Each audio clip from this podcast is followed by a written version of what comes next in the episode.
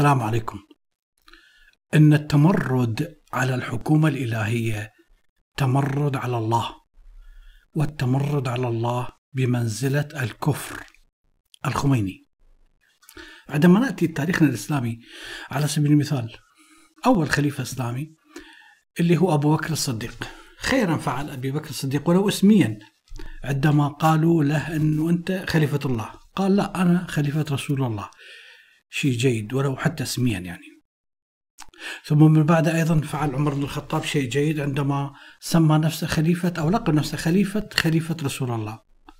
ثم فيما بعد اختصارا أمير المؤمنين. هذا شيء جيد أفضل من خليفة الله لأن تعطي فد مدلول رهيب. لا لكن بعهد عثمان كارثة.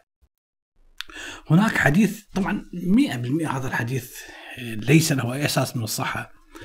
عن الرسول أنه قال مخاطب عثمان أن الله مقمصك قميصا فإن أراد المنافقون خلعه فلا تخلعه ويمكن حتى عثمان أيضا صدق أنه الله ممكن أن يلبس فلان أو فلان قميص اللي هي الخلافة بحيث هو نفس العبارة رددها أو أحد الأشخاص قال له أن الله قمصك الخلافة فمو من حقك تنزع هذا القميص.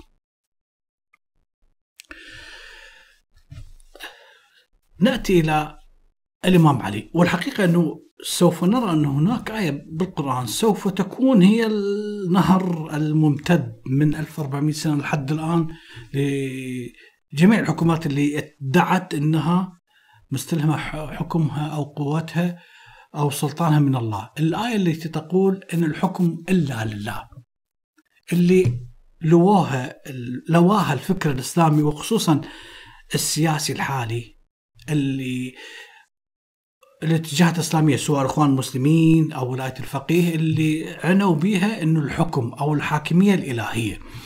هذا الحكم آه، أو هذا الأمر سوف يكون عبارة عن تشريع أو عبارة عن قانون إلهي للجماعات الإسلامية عند الإخوان المسلمين وعند بقية التنظيمات اللي نقصد بها مثلا ولاية الفقيه على سبيل المثال. اذا الآية عندما تأتي لها تشير إلى قدرة الله على الفعل خلافا لهؤلاء الذين آه، جعلوا من هذه الآية تفسير على أنها آه، لا الحكم السلطان. وضعوها أمر سياسي. والحقيقة أنه أول من نادى بها بهذه العبارة هم الخوارج.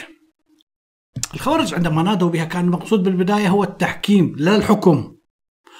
اللي معروف عندما رفعت المصاحف وبين جيش علي وجيش معاوية وحدث ما حدث من بعدها من أمور ثم الخوارج خرجوا عن جيش الإمام علي وقالوا أن الحكم إلا لله. عندما تأتي الحكم لله الحاكمية لله أو بالتحديد عبارة الحكم لله وردت بثلاث صور بالقرآن ثلاث آيات. إن الحكم إلا لله يقص الحق وهو خير الفاصلين. هاي أول شيء. ثم أن الحكم إلا لله أمر أن لا تعبدوا إلا إياه. هاي اثنين. ثم ثلاثة وقال يا بني لا تدخلوا من باب واحد وادخلوا من أبواب متفرقة. وما أغني عنكم من الله من شيء إن الحكم إلا لله. ثلاثة. لا تجد في هذه الآيات الثلاث أي تفسير سياسي أي سلطة سياسية. فقط أنه الأمر يتوكل إلى الله كما تقول توكلت على الله. اللي هو يعتبر أهم مبرر عند الإسلام السياسي. وليش نروح بعيد؟ الإمام علي نفسه فسرها تفسير جدا جميل. تفسير رائع.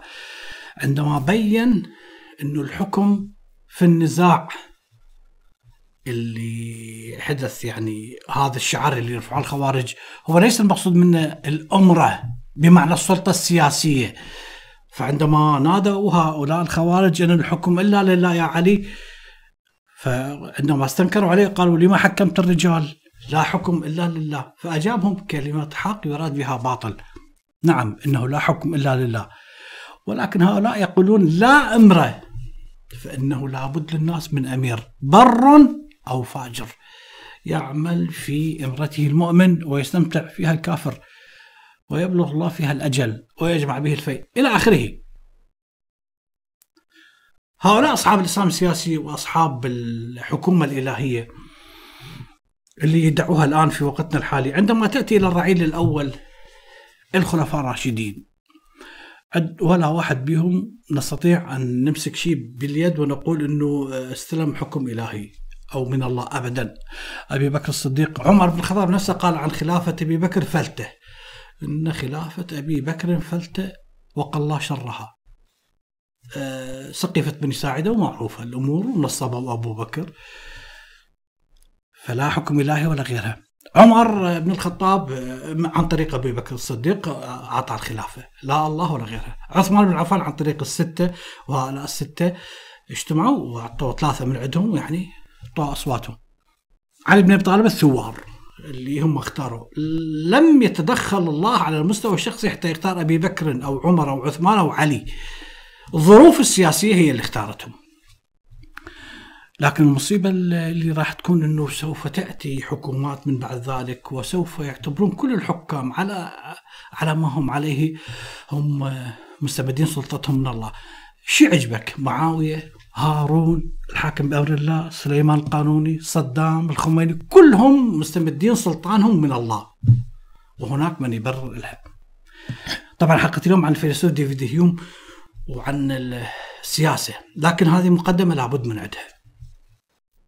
الحقيقة هاي أول خطوة. عندما تأتي إلى النظريات الدينية من أين أتت هذه النظريات الدينية اللي دمرتنا لحد الآن كمجتمع عربي وإسلامي والذين أصبحوا بني أمية وبني العباس والفاطميين والعثمانيين والصفويين؟ كلهم أصبحوا رضي الله عنهم. عندما المؤرخين يكتبون عنهم ولحد الآن عندما أئمة المساجد يذكر هارون الرشيد رضي الله عنه فلان فلان رضي الله عنه ويعتبر أنه هذا الحكم اللي كان به أو الفترة اللي كانت بها هي فترة فترة حكم إلهي. عندما نأتي إلى الأصل سوف نرجع هذا نشأة الدولة تأسيس السلطة يعني اللي على أساس الإرادة الإلهية المقصود بها الحاكم اللي يستمد سلطه من قوة غيبية عليا تسمو على سلطة البشر. هذه النظريات السياسية برغم من التقائها حول فكرة إرجاع السلطة في الدولة إلى الإرادة الإلهية لكن مع ذلك هي اختلفت وتوزعت إلى ثلاث اتجاهات. أول اتجاه اللي هو نظرية تأليه الحاكم. بالبداية الحاكم كان الله. هذه النظرية تقوم على أساس أنه الحاكم من طبيعة إلهية مو مثلكم يا بشر يحكمكم. هذا الحاكم هو إله ويتم تقديسه. هذا المفهوم كان موجود سائد بالحضارات القديمة. بالتحديد في الحضارة المصرية. كان الفرعون هو الله والشعب يعبده. أيضا كانت في الصين كانت سلطات الإمبراطور تقوم على أساس ديني. في الهند كانوا الملوك لا أقل من الصين أقل من الهند كانوا أنصاف آلهة في صورة بشر. يعني نصف إله نصف بشر يستمدون سلطانهم من الإله الأكبر براهما ثم نأتي إلى العصر الملكي المطلق اللي هو روما. في روما كان الملك أيضا هو الكاهن الأعظم. بحيث هذا يسن القوانين الإلهية وأيضا يعدلها ويفسرها كما يشاء. لحد ما نوصل لليابان. اليابان لغاية الحرب العالمية الثانية وخسارتهم بها كانوا يعتبرون الإمبراطور بمثابة إله يعبد. يعني الشعب الياباني كانوا يعبدوه ويقدسون الإمبراطور. هاي أصولها. هاي أول شيء نظرية الحاكم الإله. ثانيا أتت من بعدها نظرية أخف من عندها نظرية الحق الإلهي المباشر. ما الذي نقصد بها؟ نقصد بها أن الله هو اللي اختار الحاكم الفلاني مباشرة وأعطاه هذا السلطان. فالحاكم هو مو إله ولا نص إله ولا ربع إله. لا هو بشر لكن يستمد سلطانه من الله. معاوية هارون لربما تستطيع أن تقول أنت كيفك؟ يعني الخلفاء الراشدين العثمانيين هؤلاء كلهم يستمدون سلطانهم من الله مباشرة بدون واسطة. هاي أين ظهرت. عندما نأتي إلى أصلها أين ظهرت أول ما ظهرت بالقرون الوسطى بالمسيحية. على أثرها لم يعد الحاكم إله لا. أصبح الحاكم آه الإمبراطور الملك يستمر سلطة من الله. واللي يعصي أمر هذا الحاكم كأنه يعصي أمر الله. إذا هاي ثاني نظرية.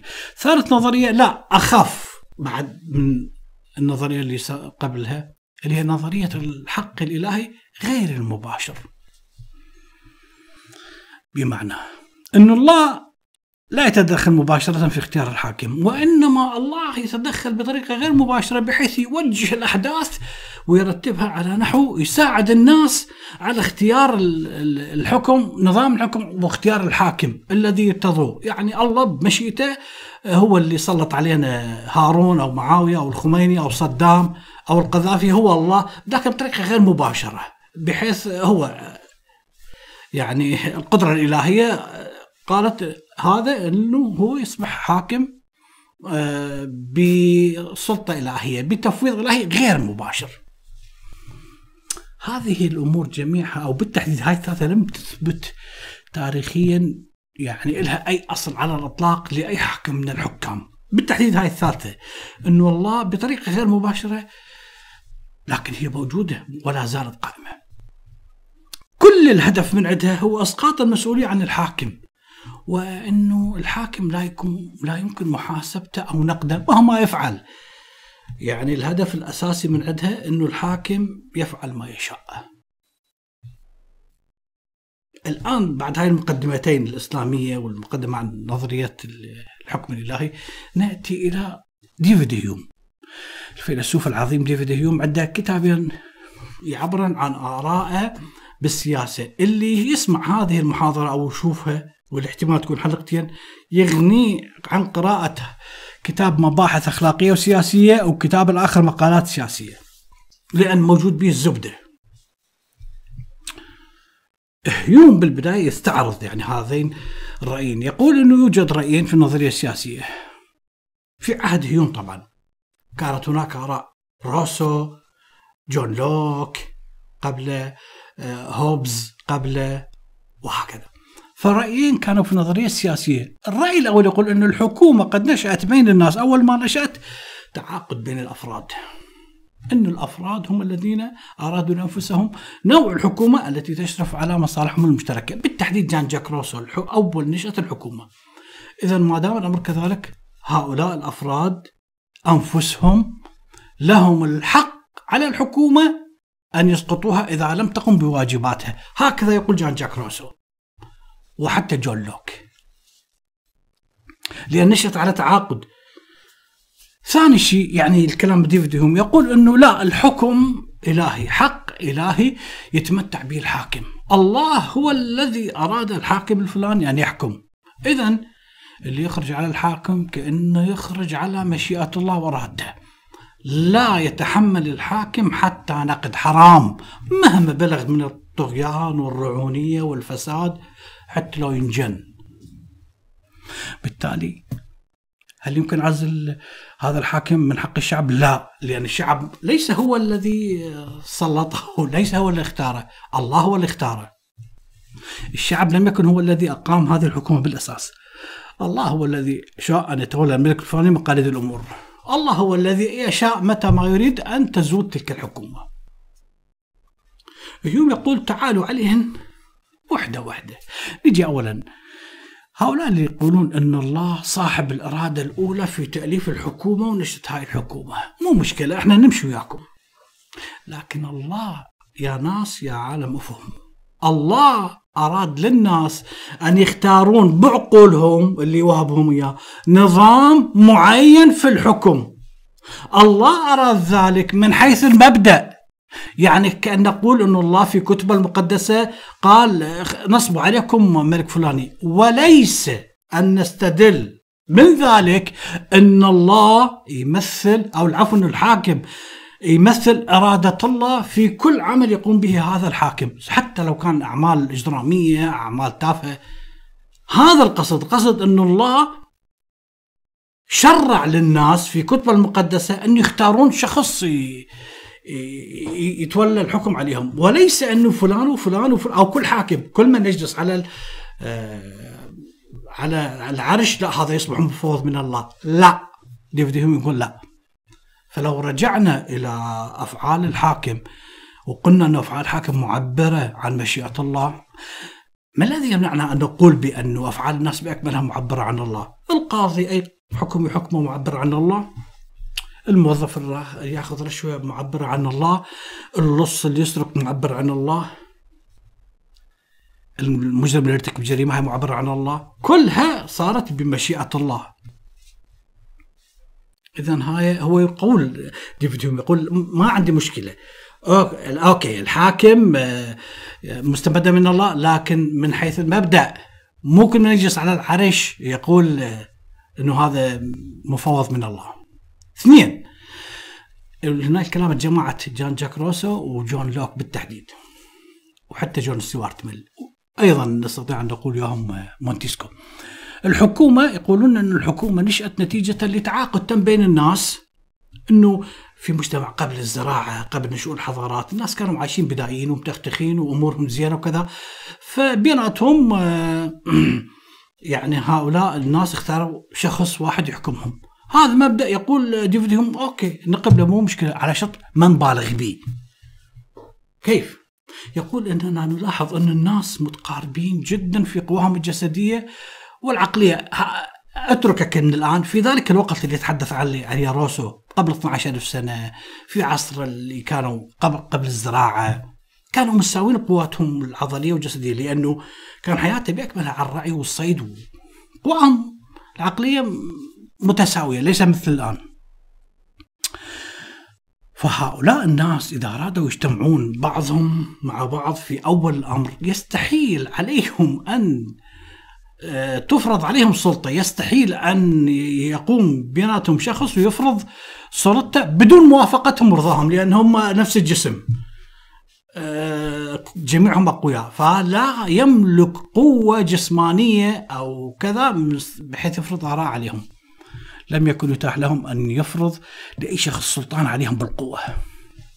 لذلك أننا جميعا يقول إن إذا تبعنا أصول الحكومات إلى جذورها الأولى نرجع اركيولوجيا إلى الحكومات اللي أول ما نشأت بالغابات بأفريقيا للصحراء. سوف نجدها قامت بإرادة الناس. لأنه لا يوجد أحد ممكن يتغلب عليهم. أقاموها اذا بهالحالة برغبه من عندهم ورضا من أجل أن تنتشر بيناتهم الطمأنينة ويعين بيناتهم السلام. اذا بهالحالة أوكي هم تنازلوا طوعيتهم عن حريتهم الفردية لشخص من عندهم. هو في الأصل مساوي لهم ما يتميز عليهم بشيء لا يملك سلاح لا جيش لا مخابرات لا هاي. كل الأمر إنه عينوا شخص يعني هيوم دا يجاريهم للفلاسفة اللي يقولون إنه هناك تعاقد اجتماعي. عينوه بغية أن يعني يحقق لهم السلام والأمن. يقول لو كان شيء مثل هذا هو ما يراد عندما تتحدثون عن عقد ابتدائي تم بين أعضاء المجتمع. عند أول تكوينة نحن نسلم بصحة هذا الأمر ونبصم لكم بالعشرة. لكن أعطونا الدليل. هل يوجد دليل على صحة هذا العقد؟ أثر آه، لقية مخطوطة وثيقة. لا يقول لا يوجد. وأنا أعذركم لأنه هذا الأمر حدث قبل الكتابة. أنتم تقولون عصر ما قبل الزراعة. بل حتى قبل أن تبدأ أي حياة متحضرة نستطيع أن نقول عنها حتى لو حياة بدائية. لكن مع ذلك إحنا نستدل وأنتم يا فلاسفة روسو وجماعته استدليتوا استدلال من طبيعة الإنسان. ومن تساوي الأفراد في القوى الجسمانية ولا يوجد شخص أغنى من شخص لأنه الأفراد قليلين والخيارات كثيرة. يعني مجتمع أشبه ما يكون بالمتساوي. اذا تلك القدرات الفطرية اللي كانوا يمتلكوها الوحيدة هي قوة الأبدان. لا يمكن لأي فرد من الأفراد أن يكون وحده قادر على أن يفرض تلك القوة الفطرية ويغلب الجماعة، لا يمكن لهذه الجماعة أن تخضع لأي فرد مهما كان. طيب كيف بهالحالة؟ يقول بالطبع هؤلاء الأفراد ما صبحوا من الصبح بيوم من الأيام قالوا يا جماعة الخير لنعين فلان صاحب سلطان علينا؟ لا يقول أن الأمر إذا نريد أن نجاريكم لابد أن تم بطريقة تدريجية وفي ظروف طبيعية كيف؟ هؤلاء الجماعة الموجودين في مكان ما كان يكون على سبيل المثال أضطرتهم الظروف أنه هناك جماعة أخرى هجمت عليهم. وعندما تهجم عليهم جماعة طبعا كل شخص له رأي. فقالوا إحنا آرائنا مختلفة. لنعين شخص هو اللي يقرر نهجم ندافع نذهب يمين يسار. فقرروا أن تكون القيادة لأحد أفرادها ولكن بمجرد أن تنتهي الحرب يرجع هذا الفرد إلى آه، حال حاله حال البقيه تذهب منه الصفه المميزة. ثم سرعان ما ينشا طارئ آخر وأيضا يحتاجون هؤلاء الجماعة أن يكونون شخص أن يكون شخص واحد يتولى زمام الأمور ويقرر. وهكذا دائما تحدث أمور دائما أمور طارئة فتتوالى الأحداث ودائما يأتي هذا الرئيس يحكم وكذا إلى أن تصبح الرئاسة عادة مألوفة بمرور الزمن. يصبح خضوع هؤلاء الأفراد لهذا الحاكم أمر صادر عن مشيئتهم. بحكم من؟ بحكم العادة. ثم إذا ما طال العهد بالبشرية طال العهد بحكم هذا ثم من بعد سلالته سوف يصبح هذا الحكم قائما على الألفة والعادة لا على موافقة الناس ولا على اختيارهم كما يقول الفلاسفة لأنه لو كان اختيار وموافقة حتى لو كان في بداية الأمر لكنه انتهى إلى عادة مقررة آخر الأمر وأصبح أمر حتمي لا جدال به. إذا هؤلاء الفلاسفة السياسيون يخطئون إذا ظنوا أنه ما دام الحاكم استند في أول نشأة المجتمع إلى موافقة الأفراد فلا بد نحن الآن في عصر النهضة وعصر الأنوار نفعل نفس الشيء ما فعلوه هؤلاء الأقوام السالفين وأيضا نستند إلى آه هذه الموافقة. يقول لا هؤلاء الفلاسفة يخطئون. الناس اليوم لا يزالون مختلفين عن السابق. الناس اليوم مختلفين عن المجتمع البدائي. الناس في ذاك المجتمع كانوا يولدون سواسية لا فرق بين فرد وفرد. الناس اليوم لا يولدون أحرار. هؤلاء الناس يولدون مكبلين بالحكومات بحكم العادة. السابقين عندما تنازلوا عن الحكم وتعهدوا لغيرهم أن يصبحوا هو الحاكم كان هناك مكسب من وراءه اللي هو إنه يحقق لهم الأمن والأمان، يعني هم بكامل قوتهم، هو ما يختلف عنهم، فقالوا له أنت أصبح حاكم؟ وهو مساوي لهم، لكن هم اختاروا، الآن من يستطيع أن يختار في عهد هيوم؟ من يستطيع أن يقول لي هنري أو شارل أو غيره إنه إحنا مساوين لك وإحنا تنازلنا عن لا أصلا أنتم مجرد قطيع له. اذا بالتالي لا يستطيع أحد أن يقول لضرورة إنه الحكومة تقوم بواجباتها وإلا نحن سوف نقوم بعملية آه، تمرد أو نسميها آه، انهاء العقد اللي بيناتنا، أصلا لا يوجد عقد. البشر الآن غير البشر اللي قبل الزراعة. لذلك الذين يزعمون أنه ما دامت مشروعية الحكومة قامت في أول بداية المجتمع على تعاقد لابد أن يبقى هذا التعاقد قائما بالأفراد لحد اليوم هذا كلام طوباوي غير صحيح أنتم فقط انظروا للبشر الموجودين في أوروبا والعالم بأكمله انظروا إلى دنيا الواقع ماذا سوف تشاهدون؟ سوف تشاهدون أن هذا الواقع لا يطابق النظرية اللي بروسكم عن المجتمع البدائي. أينما تتجهون بأبصاركم سوف ترون حكام يملكون البشر كأنهم قطيع. جزء من الأثاث اللي يملكوه رعايا إلهم ملك إلهم صرف. هؤلاء الناس عبيد للملك وللحاكم لا على أساس موافقة هؤلاء البشر ورضاهم. يا إما احتلوهم بالحروب يا أما الملك مات ابنه ورثهم ورثهم ورث الشعب كما يورث أي شيء. انظروا أيها الفلاسفة إلى المجتمع الأوروبي. ماذا ستجدون؟ ستجدون أن الرعايا أنفسهم الرعايا وليس الحاكم يقرون يقولون نحن عبيد لهذا الملك. يقرون أنهم ولدوا وعليهم واجب الطاعة لهذا الملك. يجب طاعة ولي الأمر. طبعا هنا موضوع آخر بسبب الدين بسبب العادة بسبب كذا. بالضبط كما يولد الإنسان يعني هو يحب أمه وأبوه عنده طاعة لأمه وأبوه هو يولد الإنسان هو عنده حب وطاعة ولاء للملك يموت في سبيل هذا الملك. فأنت تقارن هذا المجتمع يا فلاسفة يا روسو يا جون لوك بالمجتمع البدائي. البشر كانوا هناك مستوين هنا لا. هنا هو يولد وبدم العبودية. وعندما تنظر إلى هذا الأمر ما تجد في عصر دون عصر ولا حضارة دون حضارة في كل بلد في كل عصر في كل زمان في كل العالم. وإذا أوروبا تحررت منه لا زلنا في عالمنا العربي والإسلامي نعيش نفس الحالة. ولذلك طاعة الرعية الراعيها طاعة الرعية للحاكم أمر بلغ من الرسوخ إنه أصبح عقل الإنسان بحذائه أصبح من الرسوخ بحيث لم يعد مقبول انه شخص يقول إنه هذا الملك ظالم أو هذا الرئيس ظالم بحيث آه، لا داعي لأن تبحث عن كيف نشأت الحكومة الأولى كيف تكون أول حاكم كيف نشأت العقد الاجتماعي. لا يوجد داعي. هذا الحاكم مسلط عليك من أمر الله. وكأنه قانون طبيعي رياضيات كأنه قانون جاذبية واللي ما يم لا يوجد أي داعي لأنه نبحث في مدى صحته. قانون جاذبية موجود رضينا أو كرهنا هكذا أصبح وضع وضع الحكام. ومع كل ذلك أنت لو قلت للناس أن الروابط السياسية بين الحاكم وبين المحكوم تقوم على رضاكم يا محكومين تقوم على موافقتكم. الناس هم سوف يسجنوك قبل الحاكم ويكتبون عليك تقارير. لأنك سوف تكون عندهم في وقتها سوف تكون عميل سوف تكون خائن سوف تكون ما عندك ولاء للوطن. لا بل أنه أصدقائك أنفسهم لربما حتى أهلك ما ينتظرون القضاة يصدرون عليك أمر قبض هم اللي يحاكموك ويتهموك لربما بالجنون.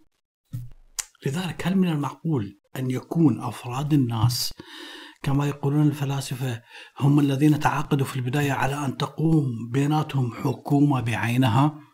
لكن مع ذلك لا نجد أي فرد واحد من البشرية ممكن أن يتذكر هذا الحدث اللي حدث في بداية البشرية.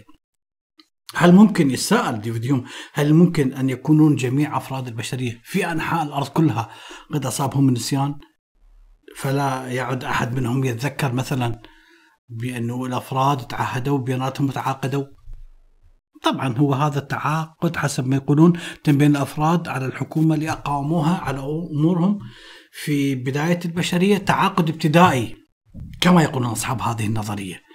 لذلك هو أقدم عهد من أن يتم تدوينه. هذا العهد الابتدائي أو العقد الابتدائي هو أقدم من أن يظل عالق بذاكرة أبناء العصور الحاضرة أو حتى القديمة على الإطلاق. لذلك يرى الفيلسوف ديفيد هيوم أنه إذا كان المقصود بالتعاقد الاجتماعي ما قد تم بين أعضاء الجماعة الهمجية قبل الحضارة. عند أول تكوينهم للمجتمع. هذا أمر سلمنا به لكن بعد أن طال الزمن بعد أن أصبحت عصور ودول أتت وإمبراطوريات راحت هذا التعاقد أصبح التعاقد الابتدائي أصبح عتيق جدا. عفى عليه الزمن. حكومات تغيرت إمبراطوريات انتهت دول أتت قوانين راحت. ألوف من الحكومات تتابعت ألوف من الحضارات أتت فمحال أن يكون نفس العقد الابتدائي اللي قبل الحضارة هو ممكن أن يحتفظ بزمام المبادرة لحد الآن في عصرنا يعني في عصر ديفيد هيوم لذلك إذا أصررنا على أن يقوم العقد الابتدائي في اللي كان في بداية البشرية لحد الآن هذا ماذا يعني؟ يعني هذا معناه أنه فرض إرادة الأقوام الهمجية فرض إرادة الآباء والأقدمين وأبنائهم على من؟ على أبنائنا على مجتمعنا الحاضر إلى يوم الدين فضلا عن أنه التاريخ بأكمله التاريخ والخبرة كلاهما يخبراننا ويشهدان ببطلان هذا القول بطلان كامل يشهد على هذا كل عصر في كل البلاد موجودة على طول التاريخ وفي أرجاء العالم كيف؟ كافة الحكومات اللي وجدت بيناتنا سابقا واليوم كافة الحكومات يسجل التاريخ من العصور الماضية السحيقة لحد الآن أنها يعني نستطيع أن نكون متأكدين من القول أنها أسست يا إما على الاغتصاب أو على الغزو لا أكثر ولا أقل يا إما اغتصاب يا إما غزو لا يمكن أن نستطيع أن نقول أن هناك أقل علامة تدل على موافقة رعية على الحكومة في وقت من الأوقات. وبمحض إرادتهم لا. فإذا ما وضع رجل على قيادة جيش في أي وقت من أوقات التاريخ ما الذي يمنع أن هذا قائد الجيش يستولي على السلطة؟ حدثت كثيرا على مر التاريخ ولحد الآن تحدث عن طريق العنف أو عن طريق التضليل كما هتلر مثلا أو الطواغيت العرب. مجموعة من الضباط يستولون على شعب هذا الشعب أكثر من عدد هؤلاء الضباط بملايين المرات. 20 30 ضابط يتحكمون يعني غريبة. لا بالعكس هذا شيء جدا عادي. وعندما يأتي هذا الحاكم المستبد عن طريق انقلاب عن طريق غزو أول ما يحجم أعدائه بحيث يفرقهم ما يسمح لهم أن يعرفون مدى قوتهم ما يجوز لهم أن يحتشدون ضده. نفس الوقت يأتي على اصدقائه على انصاره هؤلاء الذين ساعدوه الوصول إلى الحكم وأيضا يشتتهم وأيضا يقيم بهم مجازر بين فترة وأخرى حتى يجعلهم عبره لكل من اعتبر وأيضا بحيث يبقيهم خدم له. بهذه الطريقة وصلوا الحكام إلى الحكم وليس تعاقد وليس عبارة عن أفراد هؤلاء الأفراد آه، اجتمعوا براتبوا إلى آخره. بمثل هذه الوسائل قويت حكومات كثيرة. لذلك عندما تأتي إلى هذا الأمر لم يتغير بشكل قا يعني بشكل دائمي كأنه ما غير ممالك صغيرة تكبر حتى تصبح ماذا؟ هذه الممالك الصغيرة هذه الممالك الصغيرة تكبر حتى تصبح إمبراطوريات كبيرة جدا، امبراطوريات عظيمة تنحل، دول تأتي، أقوام تذهب من مكان إلى مكان، وأنتم باقين على نفس العقد الاجتماعي، ما هذه العقلية. فيسأل هيوم يقول هل يا ترى أن كل هذه الحوادث اللي حدثت آه علامة واحدة لشيء غير القوة والعنف؟ القوة والعنف هم اللذان أسس الحكومة من بداية البشرية إلى الآن لا تعاقد ولا غير شيء.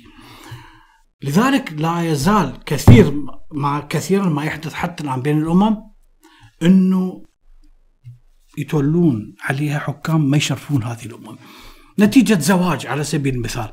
يعني ملك فرنسي يتزوج أميرة بريطانية ويصبح ملك على الشعب البريطاني. تقريبا تسعة ملوك بريطانيين تولوا آه، الحكم في بريطانيا الملكية هم مو بريطانيين. يعني مثل هذه الحالات سوف يكون شعب بأكمل عبارة عن ماذا؟ عبارة عن مهر عروس. مهر يدفع لعروس أو تركة يتركها الأب الميت إلى أبنه. هذا بأكمله لا يكون إلا على هوى الحكام. الحكم آه، من عن طريق هؤلاء الملوك ما يكون إلا على هوى الحاكم اللي عنده إرادة قوية وشعبه مسلوب الإرادة. بالتالي نستطيع أن نقول أنه وإذا فرضنا أنه نعم. من الفروض الممكن المستحيلة افرض انه قام هذا الحاكم باختيار أبناء الأمة، أبناء الأمة اختاروه. كيف وقع هذا الاختيار؟ كيف اجتمعوا وقرروا من يكون هذا الحاكم؟ نعم هناك أمور غير الغزو وغير الانقلابات، ربما جموع من الشعب ثاروا في أي وقت في روما في الإغريق ثاروا عن طريق على سبيل المثال زعيم مضلل انتهازي ما يعرفون حقيقته إلا القليلون واستولى على السلطة هذا جائز ولا مو جائز؟ اذا بهذا الأمر لا يكون ارتقاء إلا نتيجة ماذا؟ نتيجة مجازفة، نصيب، جرأة، وقاحة، نتيجة نزوة عابرة عدة أو عند أصحابه، هكذا يحدثنا التاريخ. اذا هل نستطيع أن نقول هذه الأحداث اللي حدثت بالتاريخ وعن طريقها تنصبوا حكام هذه الحالات المضطربة هل تصبح ممكن أن تكون أساس شرعي آه، أو الوحيد للحكومة؟ لا. طبعا حلقة ثانية نكمل بها حديث ديفيد هيوم عن السياسة. شكرا لكم.